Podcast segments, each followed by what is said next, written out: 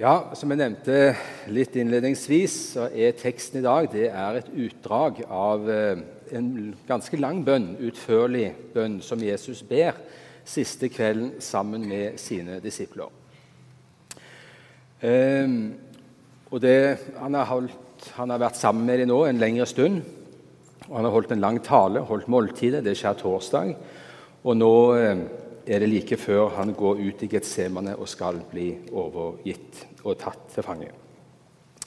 Og Da skal vi lese siste utdrag av den, siste delen av den bønnen. Og vi reiser oss mens vi hører evangeliet fra evangelisten Johannes i det 17. kapittel, vers 20-26. I Jesu navn. Jeg ber ikke bare for dem, men også for dem som gjennom deres ord kommer til tro på meg. Må de alle være ett, slik du, Far, er i meg og jeg i deg. Slik skal også de være i oss, for at verden skal tro at du har sendt meg. Den herligheten du har gitt meg, har jeg gitt dem for at de skal være ett, slik vi er ett. Jeg i dem og du i meg, så det helt og fullt kan være ett. Da skal verden skjønne at du har sendt meg, og at du elsker dem slik du har elsket meg. Far, du har gitt meg dem, og jeg vil at de skal være der jeg er, så de får se min herlighet. Den du har gitt meg fordi du elsket meg før verdens grunnvoll ble lagt. Rettferdig Far, verden kjenner deg ikke, men jeg kjenner deg, og disse vet nå at du har sendt meg. Jeg har gjort ditt navn kjent for dem og skal fortsatt gjøre det, for at den kjærlighet du har hatt til meg, kan være i dem, og jeg selv kan være i dem.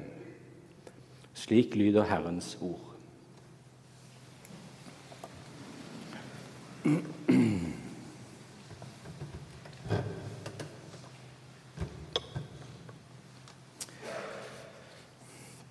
For den som har lest gjennom denne bønnen, så tror jeg en del av oss opplever at her er det noen dybder, og her er det ikke så lett å få tak i alt ved første runde. Den trengs å leses noen ganger. Og Det er jo sagt at en som heter Philip Spener, pietismens far, det er sagt at han aldri våget å tale over denne teksten fordi han var så dyp. Han hadde en slik respekt for disse ordene av Jesus. Men den står på vår tekstrekke, og jeg skal forsøke å, å trekke ut noen hovedtanker av denne bønnen. Jeg kommer til å bruke en del av også det som står ellers i bønnen, ikke konsentrert kun om de versene vi leste, for å prøve å gi et lite overblikk av noen hovedtanker hos Jesus. Og Som en tilnærming til det vi skal gå gjennom, så har jeg delt opp i tre. Altså, jeg stiller tre spørsmål. Det første er hvem er det som ber? Og Det andre spørsmålet er hvem er det han ber for? Og til slutt hva ber han om? De tre tingene skal jeg gå litt inn på. Først altså, Hvem er det som taler? Og Det kan jo høres noe overflødig ut. Det er jo selvfølgelig Jesus som taler.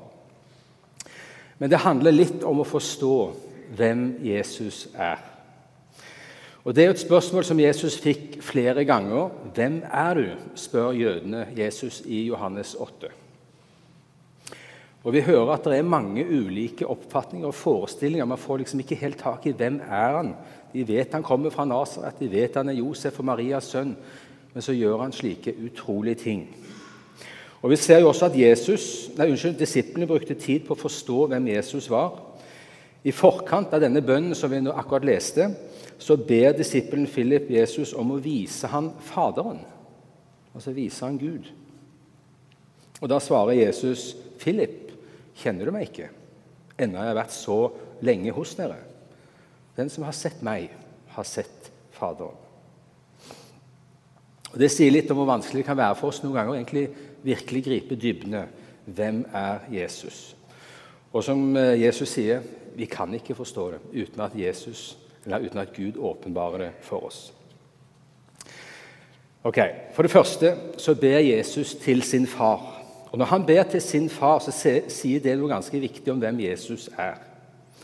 Slik enhver av oss har en far og mor, og vi er mennesker som vår far og mor, så er Jesus av samme vesen som sin far, som er Gud.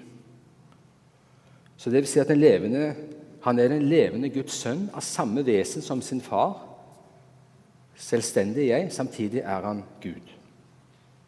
Og I denne bønnen så sier han noe som er litt underlig. for han, eh, Litt før av det vi leser i dag, så viser han tilbake til hva, hvordan det var før skapelsen. Han sier, 'Gi meg den herlighet som jeg hadde før verden ble til', sier han. Han snakker om hvordan det var mellom han og hans far før verden ble skapt. Og det er jo noen svimlende perspektiver. Bakgrunnen for det, han, når han sier det, er jo at når Jesus kommer, blir unnfanget i Marias mors liv, blir født, vokser opp og lever som et menneske som enhver av oss, da har Jesus gitt avkall på sin herlighet. I det ytre så, så, bare, så man bare et menneske. Han la bort sin herlighet, sin skjønnhet og prakt for å bli vår tjener. Nå, når Jesus var her, så så man ikke hans guddommelige storhet. Ehm, men denne ber Jesus nå om å få tilbake, den han har gitt avkall på. Og Når Jesus snakker slik med sin far, så blir det nærmest som vi går tilbake til skapelsen. I 1. Mosbok 1,26 kan vi lese om at når Gud skaper mennesket, så står det følgende La oss skape mennesket i vårt bilde, så de ligner oss. Når, Gud, når vi leser skapelsesberetningen, og når Gud skaper oss mennesker, så blir vi tatt med inn i den treenige Guds samfunn. Vi får et glimt av den rådslagning som skjer der når vi skapes. Og Det er på en måte også det vi får være vitne til her når Jesus ber til sin far. Vi ser inn i samfunnet mellom Sønnen og Faderen. Deretter hører vi Jesus si at han har gitt videre de ord som hans far har gitt ham. I Johannes 12, 49 så sier Jesus følgende.: Jeg har ikke talt ut fra meg selv, men Far, som har sendt meg, har gitt meg befaling om hva jeg skal si og tale. Det jeg sier, sier jeg slik min far har sagt meg. Altså, Det sier noe om hvem Jesus er. Han kommer, han er sendt fra Gud, av Gud, fra himmelen. Alt han taler, alt han sier, har han fått beskjed fra sin far, befaling, om å si. Han taler ikke ut fra seg selv, som han sa. Og Det er også noe vi skal ta til oss. På samme måte skal vi være tro mot Gud og gi videre det som han har sagt, slik han har sagt det. Ikke gjøre om og pynte på det hvis vi ikke er enig. Jesus taler ikke ut fra seg selv, og det skal heller ikke vi gjøre. Til slutt på dette spørsmålet så er det noe vakkert over det vi her hører og er vitne til. For når Jesus her ber og legger fram sine tanker for sin far, så ber han også som vår bror, som menneske. Han er den levende Guds sønn, men han er også et sant menneske, vår bror. Og det vi er vitne til, som skjer her mellom han og, sønnen, nei, han og Faderen, det er et glimt av det som Gud opprinnelig skapte oss til. Jeg siterte første Mosebok når Gud sier 'La oss skape mennesket i vårt bilde, så de ligner oss'. Det er dette fortrolige fellesskap, denne tillitsfulle nærhet vi ser er mellom Jesus og hans far. Det er det vi er skapt til. Det er det som ligger i å være skapt i Guds bilde. Men vi visste det, og ved syndefallet ble det ødelagt, så vi mistet samfunnet med Gud. Men ved troen på Jesus, ved gjenfødelsen, så blir vi satt inn i dette samfunn og er igjen en del av dette dypeste fellesskap med den treenige Gud, Faderen, Sønnen og Den hellige ånd. Da går vi til det neste spørsmålet jeg hadde. Hvem er det Jesus ber for? Jo, vi hører han ber for sine disipler. Og så sier han litt hva som kjennetegner hans disipler. Han beskriver dem. Og så sier han at det er de som har holdt fast på det Jesus har sagt, fordi de har tatt vare på hans ord, som han har gitt fra sin far. Og fordi de har tatt vare på de ordene som han har gitt dem, så vet de også nå hvem Jesus er, at han er gått ut fra himmelen. Å ta vare på Jesu ord, det gir en visshet om hvem han er. Så sier han noe mer om de troende, disiplene. Han sier at de ikke i, han sier, ikke, han sier at de er i verden, men så er de ikke lenger av verden.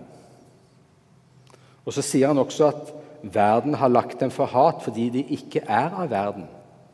Disse tingene sier han i bønnen litt før det vi leste. Og Hva han mener med å si at de ikke er av verden? Han sier det i fortsettelsen. Han sier, 'Jeg helliger meg for dem, så også de skal helliges i sannheten.' Underlig ord. De skal helliges i sannheten. Kanskje ikke så lett å forstå med, første, med det første. Men de Jesus, med de ordene så sier Jesus noe om de kristne. Hellig, det betyr utskilt. Og å helliges, det betyr å bli skilt ut.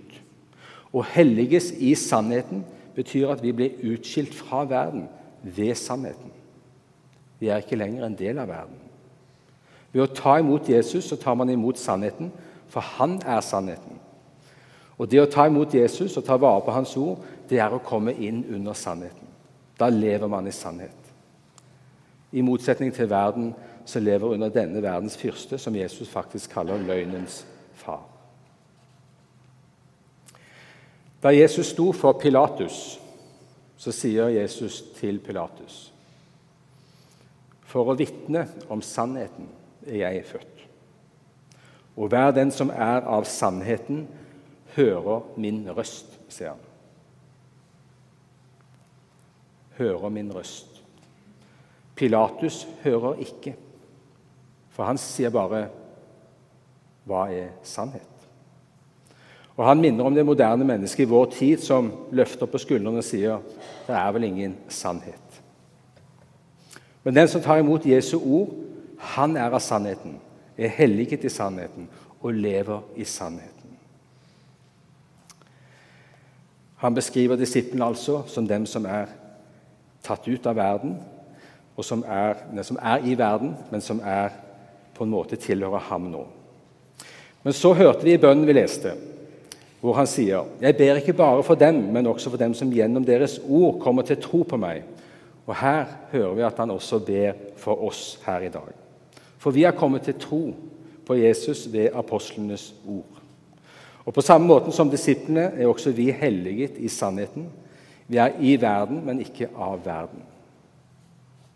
Og Når Jesus sier det at vi ikke er av verden, så er det jo for å minne oss på at det å følge Han, det kan koste noen ganger. Det vil møte motstand. For Jesus sier rett ut at verden tåler han ikke. Verden vil ikke høre sannheten. Evangeliet om Jesus blir aldri musikk for verdens ører. Ok, det var litt om oss som Jesus ber for, som Jesus beskriver litt på denne måten. Til slutt nå hva ber han om? Hva er det som er i bønnen til Jesus? Jo, det første Jesus ber om Han vet han skal forlate disiplene nå, og han ber om at de må bli bevart i troen. Det å kjenne Jesus er å kjenne Gud selv. Den som har sett meg, har sett Faderen, sa Jesus. Og Det er den viktigste bønnen vi kan be. Den ber Jesus òg, og den skal vi be. For vi kan komme bort fra ham. Og Noen ganger går vi også bort fra ham, slik den ene sønnen gjorde i lignelsen om den bortkomne sønn. Men Jesus vil alltid se etter oss, og han vil alltid vente på å ta imot oss hvis vi kommer tilbake. Og den som kommer til meg, vil jeg aldri avvise, sier Jesus. Videre så ber han om at vi skal eie samme glede som han. Det å kjenne Gud, det gir en helt bestemt glede. Som er annerledes enn den gleden som er i verden. I Salme 4 så sier David.: Du gir meg større glede i hjertet enn andre får av korn og vin i overflod. Det er mange gleder i livet. Mange velsignelser. Musikk, kunst, litteratur, mat, vennskap. Det er så mye som er velsignelse og gleder i livet. Men så er det én glede som er større enn alt dette, som Bibelen taler om. Og det er gleden i Herren. Gled dere i Herren, det skal gjøre dere trygge, sier Paulus i Filippane 3,1. Det gir en glede å kjenne Gud, for det gir et lys over livet, over alt som skjer, som skaper en trygghet. Vi lever med vår skaper, som vet alt, vet best og har alt i sin hånd. Og Uansett hva som skjer, så, sier, så er det som David sier i Salme 23.: Om jeg så går i dødsskyggens dal, så frykter jeg ikke for noe ondt. Du trøster meg.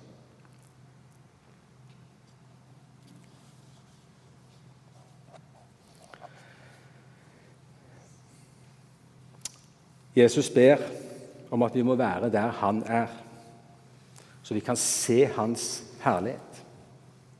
Det ber han også om. Som jeg sa, Jesus ga avkall på sin herlighet. Han var ribbet for all skjønnhet.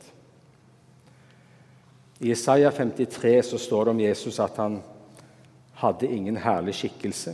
Han hadde ikke et utseende vi kunne glede oss over. Han var en de skjuler ansiktet for. Og Her tenkes det nok på når Jesus blir mishandlet og korsfestet.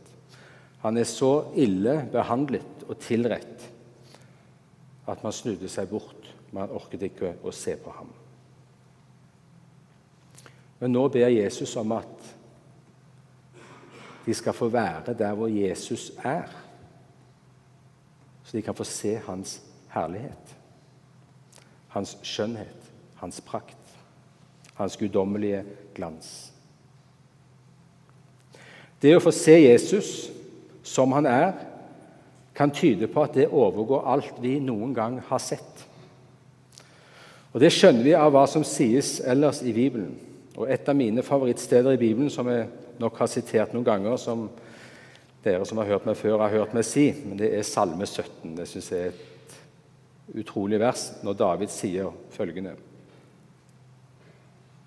når jeg våkner, skal jeg mettes ved synet av deg. Det sier noe om hva som skal møte oss når vi ser i Jesus igjen og skal få se hans herlighet. Det er noe som er så fullkomment at det gir en tilfredshet og metthet som vi aldri har opplevd. Og det er dette Jesus ber om. Han sier, 'Jeg vil at de skal være der jeg er, så de kan få se min herlighet. Til slutt, i siste verset, så sier han hva som er hans ønske for oss. Og Det er kanskje det vakreste i denne bønnen, for han sier den kjærlighet du har hatt til meg, kan være i dem, og jeg selv kan være i dem. Hans ønske er at den kjærlighet som Gud, far, har hatt til sin sønn, den skal være i oss. Gud elsker oss med samme kjærlighet som han har elsket og elska sin egen sønn med. Det er ikke til å forstå. Og Det å kjenne Gud og komme i samfunn, fellesskap med Jesus og hans far, det er å komme inn i denne kjærlighet. Det tales mye om kjærlighet i vår tid, men den kjærlighet som Gud har og elsker oss med, det er noe ganske annet enn det vår verden og den tiden vi lever i, legger i ordet kjærlighet. Verden kjenner ikke Guds kjærlighet, for den sier Skriften den må åpenbares og gis oss. Johannes sier det slik.: Ved dette ble Guds kjærlighet åpenbart blant oss, at Gud sendte sin enbårne sønn til verden for at vi skulle leve ved ham. Kjærligheten ble åpenbart når Jesus kom. I møte med Jesus er det vi virkelig ser hva Guds kjærlighet er. Og Så sier Paulus i Romerne 5 Guds kjærlighet er utdøst i våre hjerter. Altså Det er noe som må gis fra Gud. Jesus ber om at den kjærlighet som Faderen har hatt til Jesus, Han ber om at den skal være i oss. Det er en kjærlighet som vi får, og så vokser han frem som en frukt. Vi får han ikke over natta, for det er en frukt som vokser frem i livet sammen med Jesus, når vi lærer å kjenne med han og gå sammen med han. Så er det også hans kjærlighet som binder oss sammen som hans troende barn. Jesus sier 'må de være ett'. Han er, ber inderlig om at vi må være ett som hans troende barn, slik han og hans far er ett. Og det som binder oss sammen, det er sannheten og kjærligheten som en frukt som vokser fram av dette. Vi leste fra Kjærlighetens høysang i 1. Korintene 13. Det er jo kjente vers som vi ofte hører i mange forskjellige sammenhenger, ikke bare i kirken. Men de ordene av Paulus, der er Guds kjærlighet åpenbart. Og Setter vi oss selv inn i den teksten, så tror jeg kanskje vi vil kjenne at dette kanskje ikke er noe vi automatisk har i oss. Jeg kan i hvert fall ikke si at jeg gjør det. Og Skulle jeg sette mitt navn inn, så ville det bli omtrent slik som dette. Jeg er tålmodig, jeg er velvillig, jeg misunner ikke, jeg skryter ikke. Jeg er ikke håndmodig og søker ikke mitt eget. Jeg er ikke oppfarende og gjemmer ikke på det onde. Jeg gleder meg ikke over urett, men har min glede i sannheten. Jeg utholder alt, tror alt, håper alt, og jeg tåler alt. Det er ikke meg, men det er Jesus. Han kan vi sette inn i de ordene. Og så Når vi lever med Han, så vokser Han inn, og vi får vokse inn i denne kjærlighet sakte, men sikkert. Når vi lever med Han.